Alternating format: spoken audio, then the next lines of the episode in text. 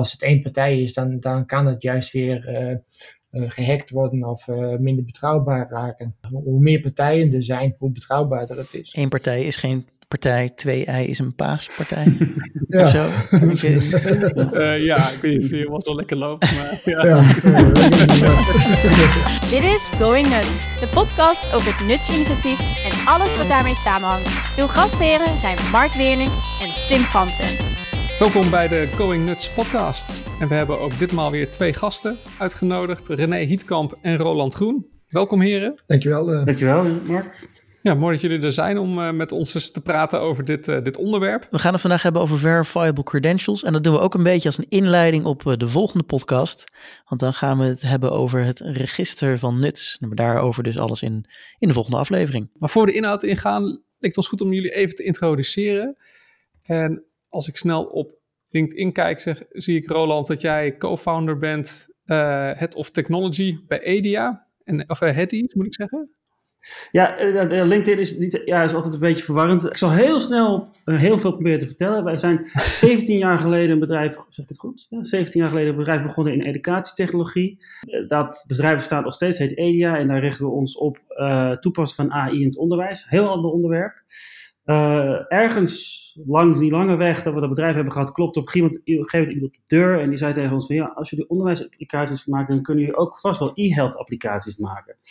En uh, dat is ook zo geschied. Um, en een tijdje geleden zijn we een beetje begonnen met het bedrijf te herstructureren. En hebben we eigenlijk voor gekozen om, om die e-health activiteiten uh, in head ease te plaatsen, dus buiten EDA, en als zelfstandig bedrijf door te zetten. En daar zit ik als technology advisor, um, met name ook omdat, ik ben niet zo van de titels, technisch directeur zou het ook kunnen noemen, maar in de, in de zin van, ik, ben, ik voel me verantwoordelijk voor, eindverantwoordelijk voor de dingen die we doen. Uh, maar ik kom niet binnenlopen en zeggen, jongens, zo moet het gebeuren. Dus daarom vind ik adviseur altijd wel een mooie titel. Oké, is dat het verband tussen die twee organisaties? Ik vroeg me al af, maar het ene is dus een spin-off van het ander. Ja, klopt. En, en waar EDIA zich helemaal richten is op echt high-end AI op het onderwijs. Dus echt het, automatisch detecteren van onderwerpen en een leesbaarheid bepalen met allemaal uh, mooie taaltechnologie. Uh, vonden we toch hè, is te, te mooi en, en, en te, te netjes om, uh, om echt ware de nek om te draaien of te verkopen. Dus hebben we gezegd, nou, dat, dan gaan we die activiteiten gewoon, gewoon apart zetten. Dus, dus dat is zo geschied. Oké, mooi. Dank voor de intro. En René, jij bent enterprise architect bij het Zorginstituut Nederland, maar hebt daarvoor nog een rijke voorgeschiedenis met allerlei andere rollen. Ja, dat klopt inderdaad. Ja, formeel ben ik inderdaad uh, Principal IT Consultant uh, bij Infosport. Uh, ja, Infosport ken je misschien inderdaad niet zo goed, maar we zitten vooral in de achtergrond hè, bij Vercozo, maar ook bijvoorbeeld als je incheckt en uitcheckt voor je openbaar vervoer. Translink, daar zitten wij achter. ook bij de NS, maar we doen ook heel veel op het gebied van AI en de zorg. Nou ja, ik hou me inderdaad vooral bezig bij het Zorginstituut als enterprise architect. En daar ben ik onder andere penvoerder voor de referentiearchitectuur in de zorg, de DISRA. Maar ik doe ook op dit moment een aantal notities over de doelarchitectuur. En ik ben ook verantwoordelijk als architect voor een programma als KIKV. dan met name op het gebied van data en techniek. Dus inderdaad heel veel. Ja. Kun je nog even kort samenvatten voor onze luisteraars wat het Zorginstituut ook weer doet? Ja, het Zorginstituut is vooral denk ik uh, bekend uh, ja, met je basisverzekering. Uh, van wat is nou wel en wat is nou niet verzekerd in de zorg. wat is zinvolle zorg. Maar ook bijvoorbeeld de kwaliteit van zorg. Het, Zorginstituut heeft een kwaliteitsregister waar protocollen en standaarden van beroepsgroepen in geregistreerd worden. En ja, daarin staat van wat nou kwaliteit van zorg is. En dat is afgesproken samen met zorgverleners, samen met eh, de patiëntenfederatie bijvoorbeeld, maar ook met de zorgverzekeraars. En zodat we weten inderdaad van waar een zorgverlener aan moet voldoen. En waar ook op uh, ja, toezicht kan uh, worden gehouden. Ook welkom. We gaan het vandaag hebben over verifiable credentials. En ik denk dat de hoofdvraag is voor onze luisteraars en, en die wij aan elkaar gaan stellen wat, wat zijn het eigenlijk? Wat kunnen we ermee? Wat wordt er al mee gedaan? En wat is dan in vredesnaam het verband met NUTS en het NUTS-initiatief? Ja, precies. Maar laten we beginnen met die basale vraag van wat is het inderdaad? Ja, precies. Wat is het? Ja, wie, wie van jullie durft, durft af te steken met het antwoord? Wie, wie durft zich eraan te wagen? Het is wel inderdaad een lastig onderwerp altijd. Inderdaad, van hoe vertaal je ook inderdaad de verifiable credential naar goed Nederlands. En uh, ja, wat, wat we meestal gebruiken, tenminste wat ik vaak gebruik, is uh, gewoon het woord uh, verklaring. Hè, je, je, wat heb je gestudeerd? dat, dat kan een verklaring zijn. Het kan een verklaring van goed gedrag zijn. Het kan verklaringen van erfrecht zijn. En je kunt op verschillende manieren eigenlijk inderdaad verklaringen uh, krijgen en ontvangen. En uh, ook ja, in jouw publieke bezigheden moeten gaan gebruiken. En, en dat is allemaal eigenlijk waar Viable Credentials in gebruikt kunnen worden. Ja, ja dus dat zijn eigenlijk de registerzaken min of meer die je omschrijft. Ja, vaak wel. Vaak wel. Maar het hoeft niet natuurlijk. Dat is juist het ingewikkelde aan verifiable credentials. Okay. En als ik dit op een iets uh, abstracter niveau misschien, maar dat ik het dan ook snap. Want het, ik hoor je zeggen verklaringen. En volgens mij is dat ook een beetje legalese. Maar ik heb het idee dat je altijd iets alleen maar over jezelf kunt verklaren. Ik kijk wel eens series, zeg maar, en ik van die rechtbankscènes en dan verklaren mensen van alles. of hoeft dat niet? Ik denk dat het unieke aan uh, verifiable credentials is dat, uh, dat, dat het eigenlijk een andermans verklaring is in dat opzicht. Hè? Dus je, je, je krijgt een, uh, een, bewijsje van, laten we zeggen, het RDW dat je een rijbewijs hebt. En, en dat bewijsje neem je mee en dat kan je op een gegeven moment op met een afschrift van geven. En um, het afschrift zelf is niet herbruikbaar, dus dat kan, kan niemand mee vandoor en zeggen, nou kijk, nou heb ik jouw rijbewijs. Um, ondertussen kan je wel cryptografisch bewijzen dat het RDW dat over jou gezegd heeft. En dat jij ook degene bent die dat ontvangen heeft. En de persoon bent bij, wie dat hoort. En dat maakt het, um, denk ik, een bouwsteen voor heel veel dingen. Um, om, om, vooral in de zorg uh, is natuurlijk credibiliteit erg belangrijk. Je wilt natuurlijk wel weten met wie je praat en, en uh, met wie je zaken doet en naar wie je wat stuurt. Of te zeggen dat wil je niet weten, dat moet je weten. Dus daar, is het, daar vormt het vanuit, zoals ik het bekijk, een uniek bouwsteentje om netwerken te kunnen maken eigenlijk van, van vertrouwen. En om het mogelijk te maken, dus dat je dat kunt gaan hergebruiken, hè, wat al geregistreerd is en wat, wat, wat we ook al normaal gesproken gezien als betrouwbaar, om dat in het handelsverkeer te gaan gebruiken, ja, daar is Verifiable Credentials is daar een, denk ik, bijna een onmisbaar instrument in geworden. Is de Verifiable Credential dan in deze analogie het, het rijbewijs? Of het gegeven in de database bij de RDW? Of het afschrift daarvan als ik het aan de politie laat zien, dat rijbewijs?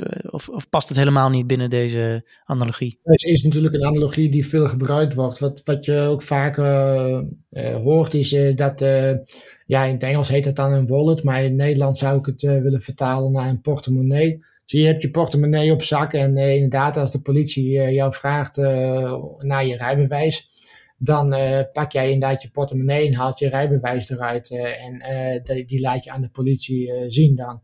En in die zin is inderdaad een, een rijbewijs een goede analogie inderdaad om te denken, ja, dat is een, een toepassing voor verifiable credential. Maar net zo goed inderdaad ook je kentekenbewijs die je misschien ook moet laten zien. Hè, dat zou ook een verifiable credential kunnen laten zijn. En ja, we kennen in, inmiddels ook al dat jij via je mobiel kan betalen. En ook jouw, jouw betaalpas zou een verifiable credential kunnen zijn uit je portemonnee. Ja. En zo zien we steeds meer toepassingen inderdaad, hè, die, die je voor je persoon kan gebruiken. en waar verifiable credentials eigenlijk het instrument is uh, om te kunnen bewijzen uh, ja, wat je zegt ook daadwerkelijk zo is. Ja, nou heb ik toevallig even mijn rijbewijs in mijn handen. Dat kun je natuurlijk niet zien. En, dan weet ik dat er onder een nummer staat. En als je nou afvraagt waar die, waar die er nou voor zijn, die zijn ervoor om te checken of die gegevens die op het kaartje staan, of die ook kloppen. Dus daar zit dus een handtekening onder. Dat is eigenlijk een digitale handtekening. Wacht, ik pak hem er ook even bij hoor. Ik zal het niet voorlezen, dat is misschien niet zo handig, maar ik zie inderdaad een heleboel getallen en een paar letters die mij ja. helemaal niks zeggen. Ja, en uh, nou uh, weet ik van paspoort, maar ik weet niet of de vrijbewijs is, dat je gewoon een appje kan downloaden. Waarmee je uh, je paspoort scant, of een paspoort scant, en die kan gewoon zeggen van deze klopt, of deze klopt niet. Ja, ja. En wat hij dan doet, is dan kijkt hij naar de nummers, die getallen en de namen die erop staan. En dan maakt hij er een hash van. Te verifiëren zijn met een soort van public key van degene die hem uitgegeven heeft. Dus in dat opzicht gaat hij best eh, aardig op, die vergelijking. Dus als je iemand voor je neus hebt en die zegt, nou, ik, ik, ik ben uh, meneer X en ik wil je huis huren, dan kan je dus gewoon scannen. En uh, dan moet je dus ook, dat moet dus ook hè, even checken of dat klopt. Ja, ja, ja. anders ben je geen goede verhuurder. Of het een valide paspoort is in dat geval. Of het een valide paspoort is, ja.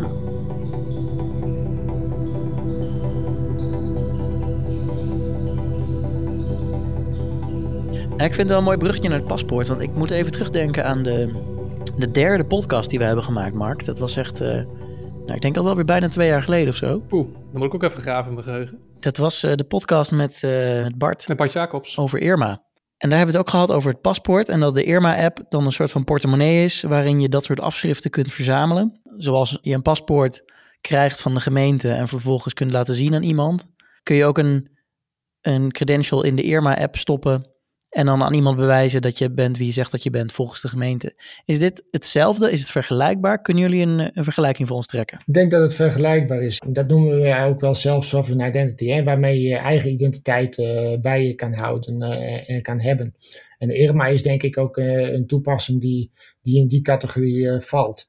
Wat Irma nog niet uh, doet, is, is de, uh, dat, dat is uh, verifiable credentials hanteren. En verifiable credentials is vooral ook een standaard die is afgesproken door W3C, het World Wide Web Consortium.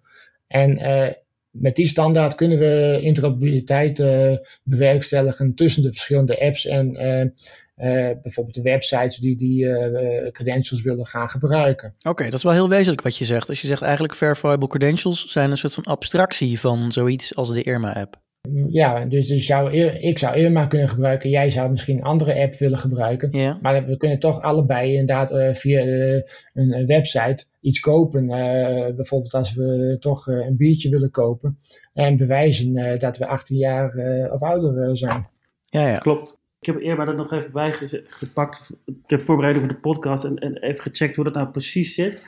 Uh, Irma die, um, die, die gebruikt eigenlijk zijn eigen certificaatsysteem en als hij dus wat uitgeeft eh, zijn eigen handtekeningen. Dus dan geeft hij dat op zijn eigen handtekening van zijn eigen omgeving, zet hij daaronder. En dan moet je ze eigenlijk maar vertrouwen dat je Irma vertrouwt dat die weer heeft vertrouwd dat de RDW dat gedaan heeft. Wij het zo maar even neerzetten.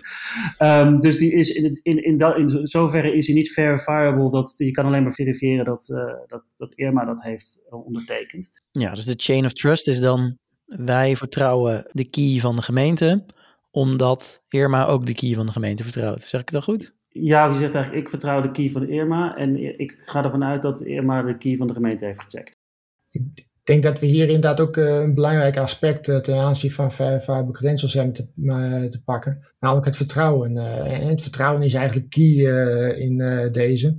En juist het vertrouwen moet je ook gaan afspreken. want hoe weet ik inderdaad wie nou een verifiable credential mag uitgeven? Hoe weet ik inderdaad nou dat RDW het, uh, het rijbewijs mag uitgeven. Uh, als de RDW het heeft ondertekend, moet ik dat vertrouwen.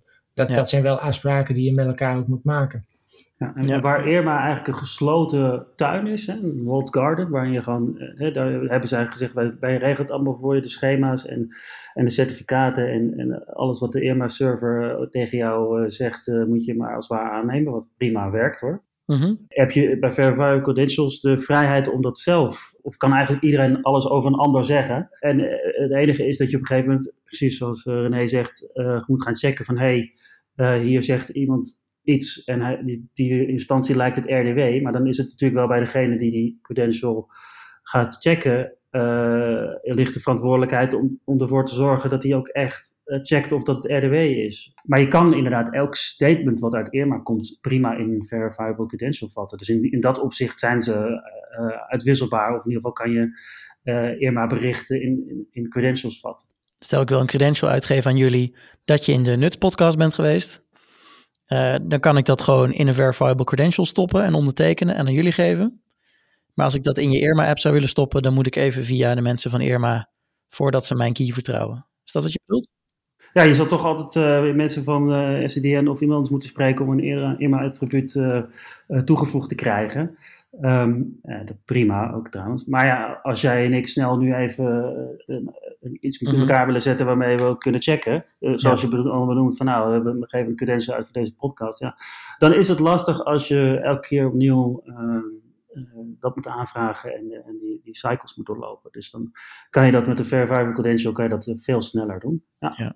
Ja, Mark, jij bent altijd een beetje het geweten van deze podcast. Hè? Als, als jij zegt, nou, dit, dit volgen de luisteraars niet meer, dan, dan grijp jij in. Is het nog helder voor iedereen? nou, volgens mij vraag je gewoon heel brutaal of ik het zelf snap. Wat een hele terechte vraag is. En ik zat bij mezelf ook te denken van... Ik deed een poging om het niet brutaal te vragen. Ik, ik zit heel hard mee te knikken, zeg maar, met wat jullie vertellen. Maar tegelijkertijd denk ik nu, als ik het zou moeten samenvatten... Dat ging dus net in het begin ook al mis. Ik weet niet of ik het helemaal, uh, het helemaal snap, zeg maar. Ik heb enigszins nu begrip van hoe Irma werkt. Als ik jullie goed begrijp, zeggen jullie nu is nog de toegang tot die attributen, dus welke attributen ik überhaupt kan verzamelen als gebruiker, zijn afhankelijk van de beheerder, dus in dit geval de Privacy by Design Foundation achter Irma, wat ik over mezelf kan verzamelen in die app. En jullie zeggen eigenlijk, als je gebruik maakt van verifiable credentials, dan hoeft dat niet. Dan kan ik alles verzamelen in de Irma-app als ze dat zouden ondersteunen, uh, wat ik maar zou willen. Klopt dat? Zeg ik ja, dat correct. Ja. Ja. Oké, dan snap ik het toch wel aardig. maar ik denk dat de toepassing daarmee ook een beetje anders is. Want ze doen het natuurlijk niet helemaal voor niks hè, bij de Privacy by Design Foundation. Ze doen heel hard hun best om die app soort van clean en georganiseerd en opgeruimd te houden. En verifiable credentials kun je dus eigenlijk veel meer onderling gaan gebruiken, als ik jullie goed begrijp. Dat je over elkaar dingen gaat beweren. Um, die niet misschien per se ook voor de consument weer bruikbaar zijn in een app. Zeg ik dat dan goed? Ja. Ja, dat, kijk, ik kan me voorstellen dat, het, dat, dat je, je kan met Verifiable Credentials zo'n app als Irma bouwen. Hè? Maar ik denk dat het fundamentele verschil erin zit, is inderdaad in het geval van Irma wil je, heb, je, heb je een eindgebruiker experience die je maakt. Ja, precies. Waarin je uh, uh, iemand voorziet van een soort van digitale kluis of een, een waar hij zijn, zijn portemonnee, waar hij zijn, zijn eigen attributen, zoals die heten, kan verzamelen, beheren en uitgeven. En dat hebben ze heel mooi gedaan hoor. Het is heel, is heel mooi in elkaar gezet en dat ziet er steeds beter uit. Ja, zeker. Um, maar uh, Verifiable Credentials zou je dat mee kunnen maken, laat het zo zeggen. Maar het is geen end-user app, geen end-user experience. Het is niet de bedoeling dat je straks een Verifiable Credential appje op je telefoon krijgt. Ehm, maar ongetwijfeld heel veel appjes die er gebruik van maken. Ja, Verifiable Credentials is een hele open standaard wat dat betreft, waar je alles mee kan doen. Maar je ziet wel inderdaad is dat je gespecialiseerde apps uh, krijgt die een bepaald uh, type uh, credentials accepteert. een mooi voorbeeld vind ik zelf, rondom COVID heel veel applicaties ontwikkeld worden inderdaad die jouw gezondheid, of jij gevaccineerd bent, de COVID-19 paspoort, dat soort applicaties worden ontwikkeld. En die, en die accepteren maar één type soort uh, verifiable credential. Mhm. Een ander voorbeeld is bijvoorbeeld uh, van uh, IATA en de International Air Transport Association, die ook een travel pass maken. En die ook weer inderdaad een bepaald type credential accepteren.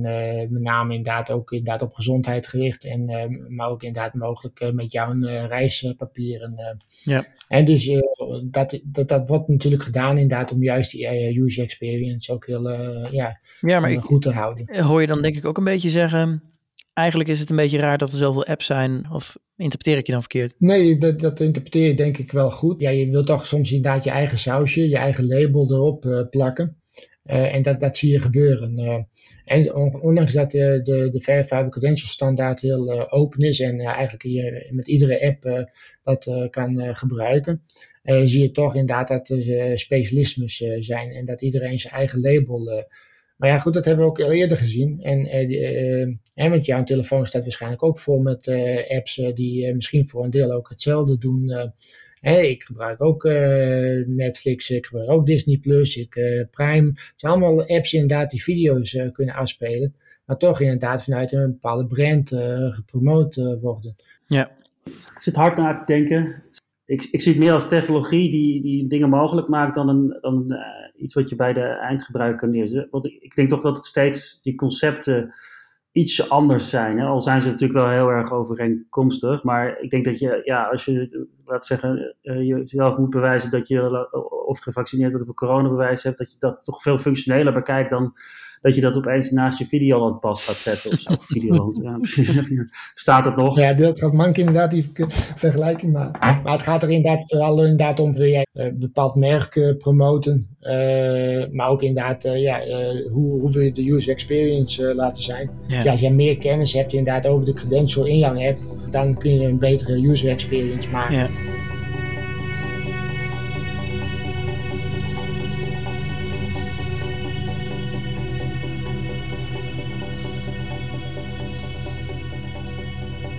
Vroeg me af, hè, in jullie ogen, want jullie hebben wat voorbeelden gegeven, zeg maar, dus ik heb het idee dat ik het een beetje snap.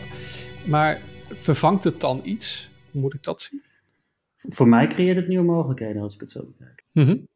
We hebben eigenlijk ehm, in, een, context die eh, beter met elkaar heet, zijn we aan het onderzoeken hoe we ja, software standaard kunnen maken, software kunnen bouwen waarmee we multidisciplinaire samenwerking kunnen creëren en keuzevrijheid kunnen stimuleren. En daar hebben we eigenlijk drie, drie poten in gedaan. Eén is het eh, eigenlijk identificatie. En daar zijn we toch gewoon een beetje bij Irma uitgekomen. De tweede stap is het starten van, ehm, van, van, van modules, applicaties over grenzen heen. En daar hebben we een standaard voor ontwikkeld die Health Tool Interoperability heet. En de derde stap is voor ons eigenlijk, eh, noemen wij het, het, het, het, gezondheidsnetwerk, sociale netwerk. Ehm, wat we eigenlijk willen gaan doen is, is dat maken op basis van verifiable credentials. Dus dat zou betekenen dat uh, dat je dus je relatie met je huisarts um, en met een andere zorginstelling eigenlijk uh, in vorm van verifiable credentials gaat verzamelen in een soort van wallet. Um, en nadat je die verzameld hebt, heb je inzicht in het netwerk. En dat is dus eigenlijk fase 1. Dus is van met wie heb je zorgrelaties. En dan uh, fase 2 is het, is, het, is het doen van toestemmingen. Daarvan, daarvoor zijn ze ook heel erg geschikt. Dus dat, dat, daar maak je dus heel veel dingen mee mogelijk die ik zo 1, 2, 3 zonder verifiable credentials wel lastig zou vinden om, laten we zeggen, te schetsen als het ware. Dus, okay. dus zo zie ik dat wel. Ik denk inderdaad dat digitaal vooral heel veel nieuwe dingen mogelijk maakt. Uh, die anders uh, administratief gezien uh, op papier veelal zouden moeten gedaan worden. Ik zag vorige week bijvoorbeeld een, een voorbeeld, een presentatie van de, de Rabobank met TNO en de Koninklijke Notariële Beroepsorganisatie over uh, een experiment dat zij hebben gedaan met uh, verifiable credentials uh, over het erfrecht. En dus inderdaad, van als jij iemand hebt verloren en je bent erfgenaam, dan moet je inderdaad bij een bankrekeningnummer van de overledene kunnen komen. En dat kun je heel mooi regelen ook met een verifiable credential, namelijk dus dat de notaris jou een credential uitgeeft, dus dat jij erfgenaam bent. Eh, dat je met uh, die credential naar de bank uh, stapt, digitaal gezien dan, hè, via de website. Hm. En zegt van, hé, hey, ik ben erfgenaam voor deze persoon. En dat de bank op basis daarvan jou toegang geeft tot de rekeningnummers van die overledene. Ja, in plaats van dat je daarmee langs een notaris moet en dan moet er een identiteitscontrole plaatsvinden en zo. Die stappen zou je dan allemaal kunnen overslaan. Nou, voor een deel, uh, ja, voor een groot deel wel. Natuurlijk bij het uitgeven van dat credential door de notaris moeten uh, uh, ook een aantal dingen gecontroleerd worden nog steeds. Oh ja. Maar je kunt er inderdaad veel makkelijker inderdaad digitaal zaken doen daardoor. veel goedkoper. Dus het, het, het, maakt dus veel dingen mogelijk inderdaad die nu ja, veel omslachtiger zijn. Oké, okay, dat is mooi om te horen kan er ook even op aansluiten. Op het moment dat je dus Facebook toegang geeft tot, uh, laten we zeggen, een andere app, uh, foto-app of iets dergelijks, dan ken je het scherm wel waar je toestemming moet geven. En dan zeg je, Mhm. ik, ik geef deze applicatie toestemming om uh, um, je, mijn gegevens te, te delen. Nou, dat, dat, gebeurt op heel veel plekken. Ik, ik sport sinds, sinds een jaartje, anderhalf redelijk fanatiek. En al die apps die hebben al die gegevens in zich staan en die kan je allemaal met elkaar koppelen. En dat doe je eigenlijk allemaal met OAuth. Twee, um, ik vind het een draak van een protocol, uh, omdat het, uh, uh, ja, je maakt als programmeur heel snel een foutje, waardoor je ja, heel onveilige applicaties aan het bouwen bent. Ze hebben heel veel moeite gedaan om het een beetje veilig te krijgen, voor mijn gevoel. En, verifiable credentials zou in mijn inzicht een hele charmante oplossing zijn om eigenlijk die use cases, waar René ook naar verwijst van kijk, ik geef applicatie X toestemming om gegevens bij applicatie Y te lezen. Ja, dat, dat zou daar ideaal voor zijn. Ook omdat er namelijk gewoon een cryptografisch bewijs onder zit. Wat we bijvoorbeeld aan in het KIKV-programma doen uh, voor verpleeghuizen, is juist inderdaad uh, uh, ja, die autorisatie en die authenticatie daar goed regelen. Ook op basis van verifiable credentials. dus dat we weten inderdaad van oké, deze organisatie mag een bepaalde vraag stellen. En, en, zodat een zorgaanbieder de, de vraag met een gerust hart kan gaan beantwoorden. Ja. Ja, de voorbeelden die jullie nu geven zijn eigenlijk meer systeem naar systeem identificatievraagstukken. Hè? Ja. Um, ja. Maar daar gebruiken we natuurlijk al sinds jaar en dag eigenlijk ook certificaten voor. Kun je iets vertellen over waarom dit dan beter zou zijn dan certificaten? Uh, ja, daar kan ik wel iets over vertellen. Dus die certificaten uh, is natuurlijk al heel lang uh, een vertrouwd systeem. alleen wat je wel merkt met certificaten is, is dat daar ook wat nadelen aan zitten. Namelijk dat, dat die certificaten ook in, in vreemde handen terecht kunnen komen. Je bent ook gebonden inderdaad aan, aan een bepaalde tijdsduur dat die certificaat geldig is. En vaak doe je dat in toch wel een jaar of soms wel twee jaar dat het certificaat geldig is. Het is minder makkelijk te vervangen. en ehm, je kunt een oneindig aantal verschillende soorten verifiable credentials maken. Ja, je ziet inderdaad dat je dat bij je certificaten natuurlijk, ja, heb je toch, wil je toch liever naar één toe die jij als organisatie moet hanteren. In plaats van dat je naar heel veel certificaten moet gaan gebruiken ook met name eigenlijk inderdaad in het mobiele gebruik uh, zie je ook. Hè, dus dat uh, certificaten daar lastig uh, zijn als jij dingen moet gaan ondertekenen elektronisch.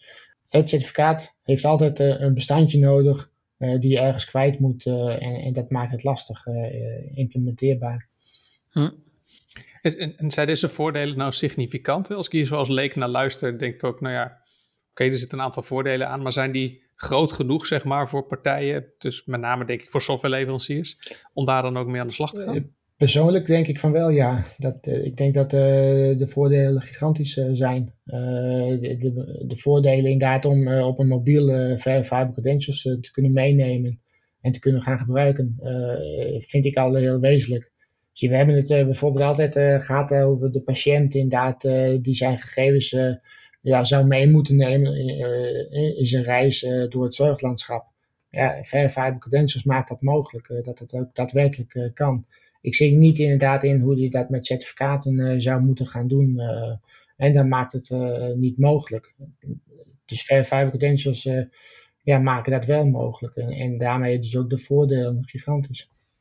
En je hebt ook het vertrouwensnetwerk nog nodig, inderdaad, van, waar je inderdaad de publieke sleutels op slaat om uh, de elektronische handtekeningen te kunnen gaan verifiëren.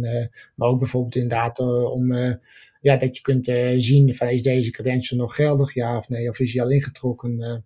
en dat soort controles moet je ook ergens registreren. En dat, dat is een apart netwerk van ja, vertrouwensleveranciers noem ik het maar. Ik heb even geen ander woord voor.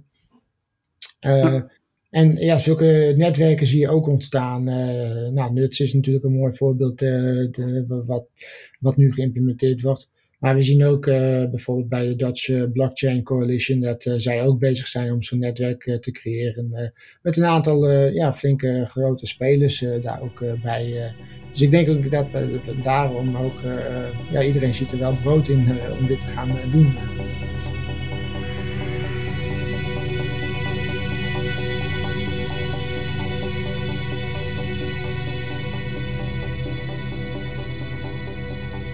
Ja, dat was wel mooi René. Je was me net voor, ik wilde het net vragen inderdaad, want ik hoorde net een paar keer het netwerk voorbij komen. En volgens mij zei jij net toestemming al, Roland. Dan denk ik, ja, dat zijn toch allemaal onderwerpen en thema's die we binnen onze nutscommunity ook regelmatig voorbij komen. Hoe, uh, hoe past dit bij elkaar, zeg maar? Kan je daar eens een lichtje op schijnen? Ja, ja, hoe het past bij elkaar zie je nuts. je, je, kunt dit zien, uh, ja, ik weet niet hoe nuts zichzelf ziet, maar je kunt nuts in, in mijn optiek op twee manieren bekijken uh, op dit moment. Enerzijds inderdaad uh, een stukje vertrouwen. Hè, uh, het registreren van bijvoorbeeld, uh, dat is weer een andere standaard wat heel erg nauw verweven is met verifiable credentials. Dat gaat over decentralized identifiers, hè, waar je je publieke sleutel ook aan koppelt. Hè, dat moet ook ergens geregistreerd zijn. En uh, Nuts uh, doet dat op dit moment uh, bijvoorbeeld. Maar je kunt dat ook bij andere partijen onderbrengen. zoals ik al zei, de Dutch Blockchain Coalition oh, is ook met zo'n netwerk bezig.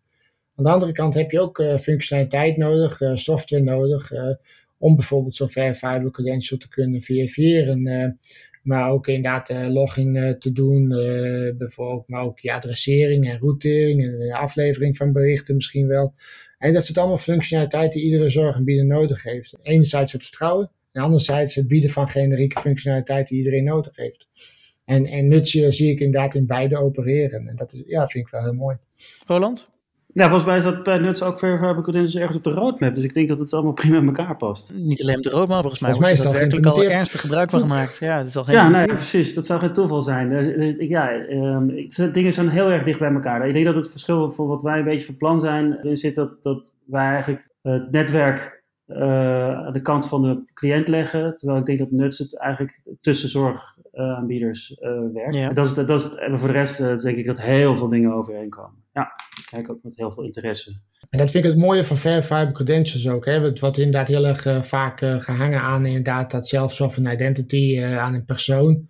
Maar voor de, de standaard van verifiable credentials maakt het natuurlijk helemaal niks uit.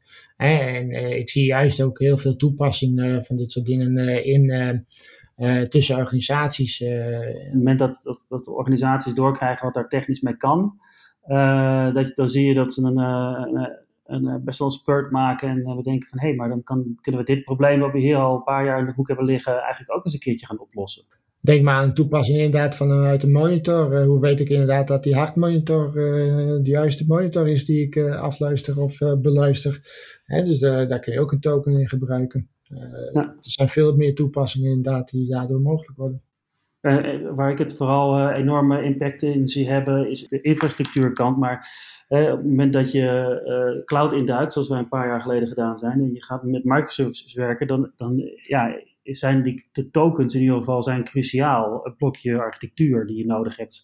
Verifieerbare tokens, en in dit geval een JWT-tokens. En, en dan zie je dus dat het best wel ingewikkeld was geweest om de infrastructuur te bouwen die we gebouwd hebben zonder dat soort tokens uh, die gebruikt worden. Dus het is een cruciaal stukje infrastructuur. Het is een beetje een duizend dingen doekje, een verifiable credential. Je kunt er van alles mee bewijzen, je kunt er van alles mee aantonen.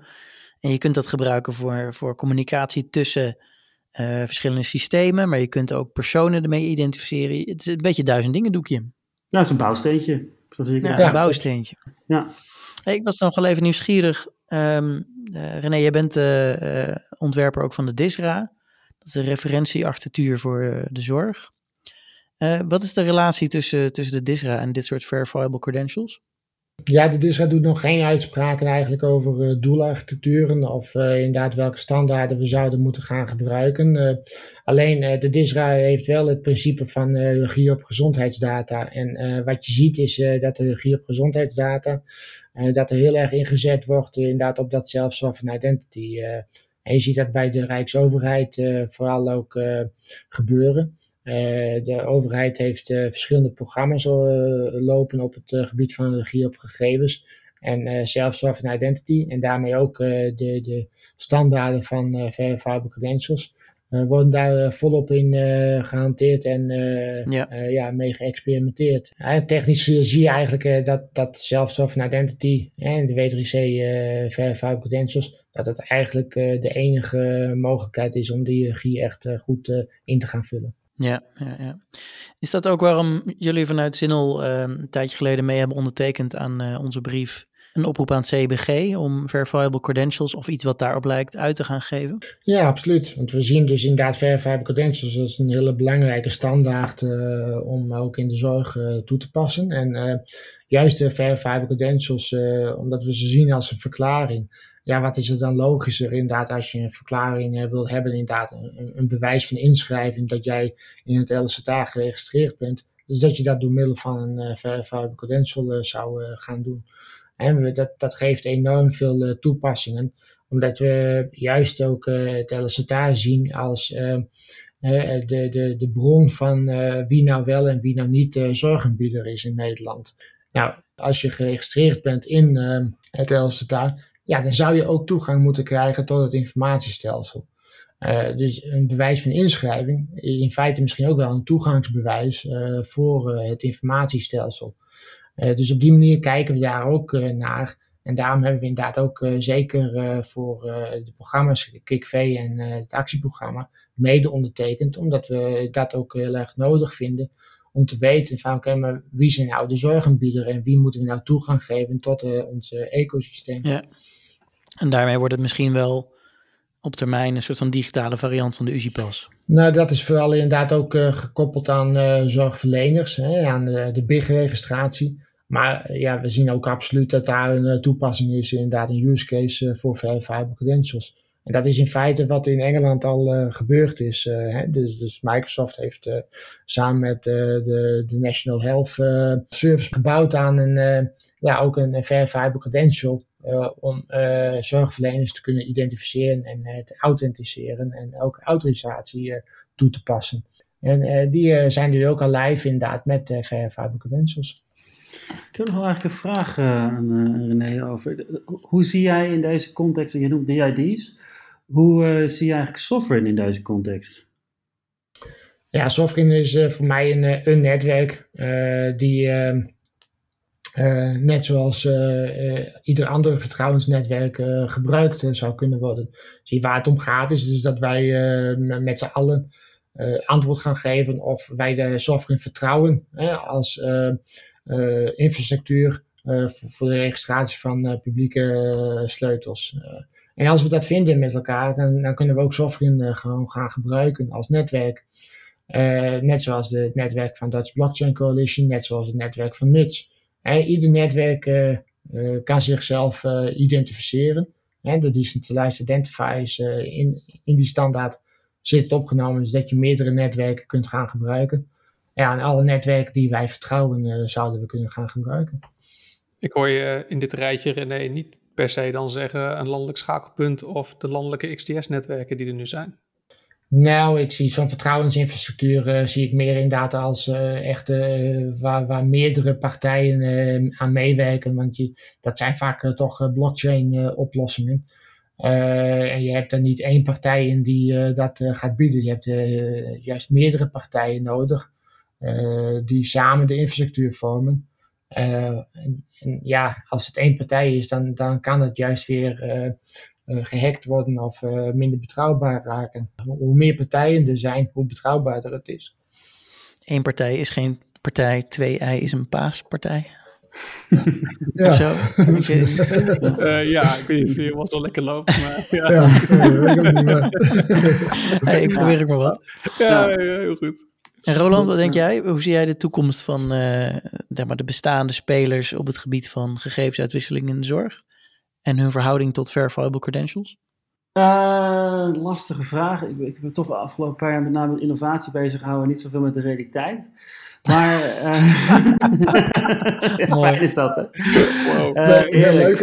ja, maar um, wat wij doen is met, met proeftuinen werken en, en, laten zien dat dingen daar werken. En, en uit, vanuit daar met de kopgroep van leveranciers uh, dingen uh, propageren door de wereld heen. En wat ik gewoon gemerkt heb is als, als dingen goed werken en als je mooie en, praktische dingen kan bouwen, uh, dat je dan ja, een beetje gids vormt voor, voor de mensen om je heen. als je kan aantonen Um, dat je dus met een vrij simpel dingetje eh, op een bestaande infrastructuur, door, door het toevoegen van een verifiable credential in een response, bijvoorbeeld als je iets opvraagt, uh, in plaats van, uh, ja, je moet maar vertrouwen dat ik de server ben en dat ik het goed geleverd heb, ja. dat er een ja, verandering, ook een verandering in denkwijze ontstaat.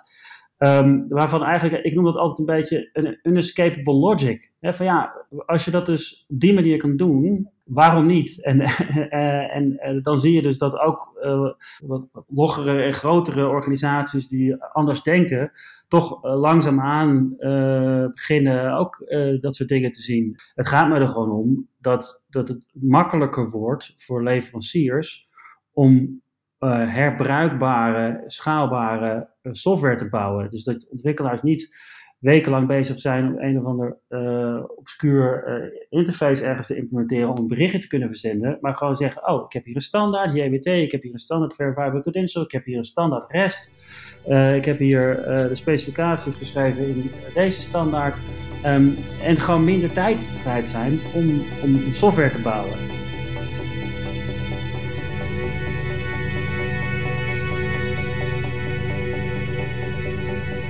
Kan wel een verhaal vertellen uit de, onderwijswereld over de, de Learner Tool Interoperability. Um, toen die er niet was, moest je voor elke leeromgeving en aanleveranciercombinatie een eigen integratie schrijven. Dus als je een videoplatform had, moest je voor elke grote onderwijsplatform opnieuw een koppeling maken. Uh, en onderhouden. Um, met de komst van een LTI hoeft je er maar één te maken, namelijk een LTI-koppeling. Ik kon iedereen dat implementeren.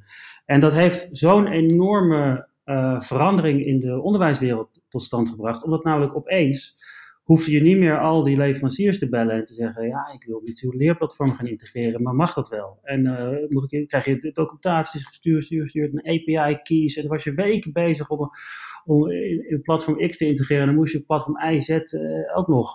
En nu is het een URL, een, een key in a secret, en dan werkt het. Ehm, en dat heeft zo'n enorme verandering teweeggebracht in die, in die onderwijswereld. Uh, waardoor een hele nieuwe ja, playing field is ontstaan. Waardoor uh, kleine leveranciers heel makkelijk uh, hele innovatieve onderwijstools kunnen publiceren. En met één koppeling de hele wereld konden verbinden.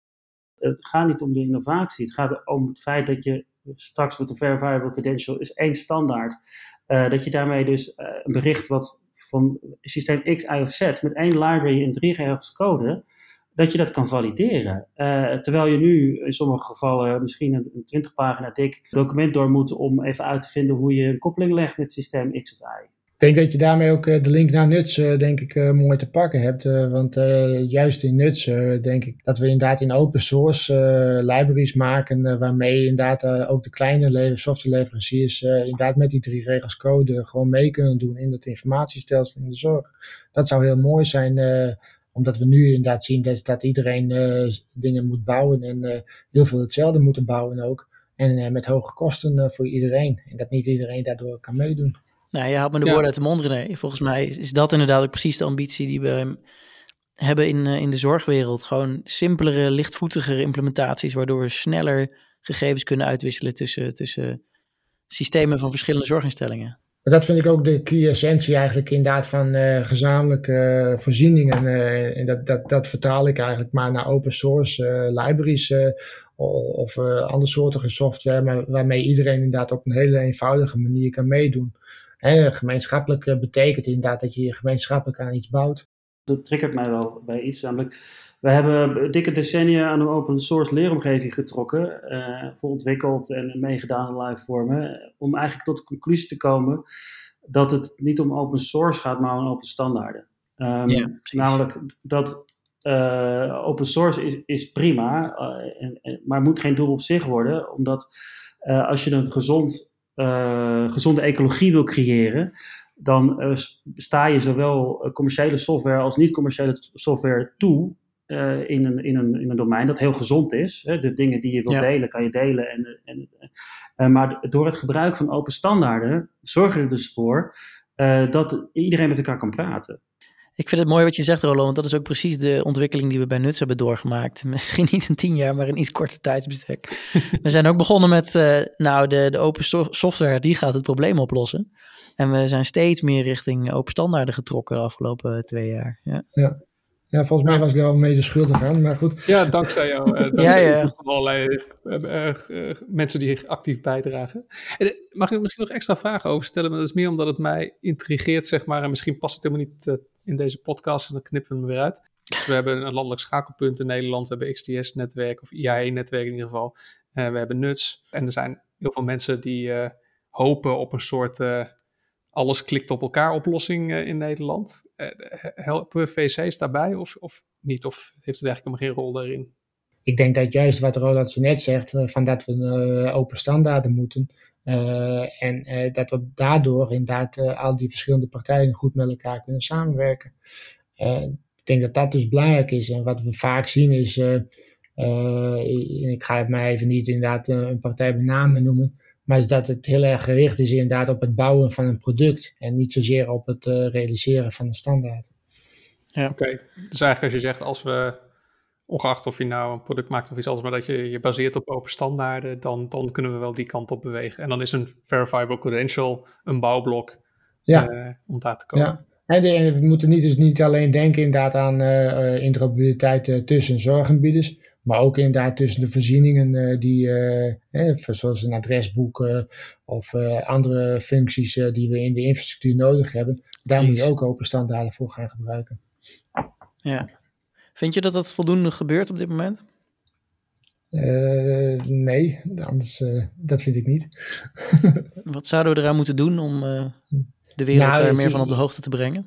ik, ik, denk dat we wel die kant op gaan. Hè. Wat we ook al zien is, dat binnen het informatieberaad inmiddels wel besloten is, is dat voor generieke functies dat daar ook standaarden voor moeten komen. dat, dat traject gaat ook in gang gezet worden.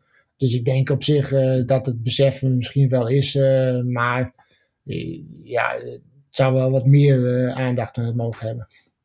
Ja, kijk, dat is natuurlijk waar open source op de hoek komt kijken. Hè? Want wat je doet natuurlijk is, je, je legt een standaard neer en je zet er wat ik wil noemen referentieimplementatie naast in, als open source product, waar je gewoon aan, aan werking aan toont en, en laat zien hoe het in elkaar moet zitten. En, en dat, dat daar is waar je dus open source en open standaard elkaar dus tegenkomen.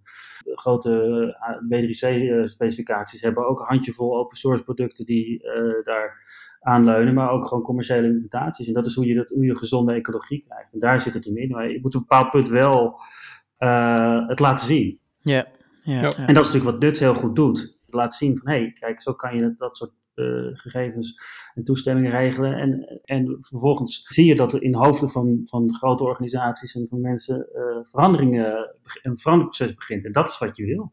Ja, en zo verzetten we elke dag de grenspaal één metertje. Ja, ja, ja. Hey, heren, ik wil een klein beetje richting een uh, soort van afronding. Ik denk dat het een van onze meest technisch inhoudelijke podcasts is geweest tot nog toe. Holy moly, ja. Ja, ook best wel, best wel uh, pittige kost natuurlijk voor onze luisteraars. Ik wou nog even met jullie proberen tenslotte het bruggetje te maken naar... Oké, nu zit ik te luisteren. Ik werk bij een zorginstelling. Uh, ik moet een leverancier kiezen. Oké, okay, moet ik hier iets mee? Moet ik nu bij mijn leverancier beginnen over verifiable credentials? Of kijken ze me dan heel glazig aan? Of ik zit in een regio-overleg en we willen iets kiezen op het gebied van architectuur. Die ja, precies. Steeds vaker, we moeten als regio nu iets gaan kiezen. Wat zou jullie advies zijn aan mensen die in de zorg zitten en deze podcast luisteren en denken: jeetje, wat moet ik hier nou mee? Ja, ik, ik, denk dat je gelijk hebt dat het een vrij technisch onderwerp is. En ik zie ook niet inderdaad uh, zozeer zorgverleners inderdaad over dit onderwerp uh, gelijk uh, beginnen. Inderdaad. waar we nu vooral denk ik nodig hebben, is dat er een stuk bewustwording gaat plaatsvinden over wat er mogelijk is met verifiable credentials. Dat we dat gaan toepassen ook in de zorg. En, straks moeten we ons druk maken als, als inderdaad uh, dat uh, bepaalde pakketten aan de normen uh, voldoen die, we, die we met elkaar hebben afgesproken. als we nu voor een architectuur moeten gaan kiezen en als we inderdaad bezig zijn inderdaad om technische dingen op te gaan pakken, ja, dan moet je absoluut over verifiable credentials gaan beginnen. want dat is echt wel de toekomst wat mij betreft en ook een, een enorm goede bouwsteen om overal in gebruik te gaan maken.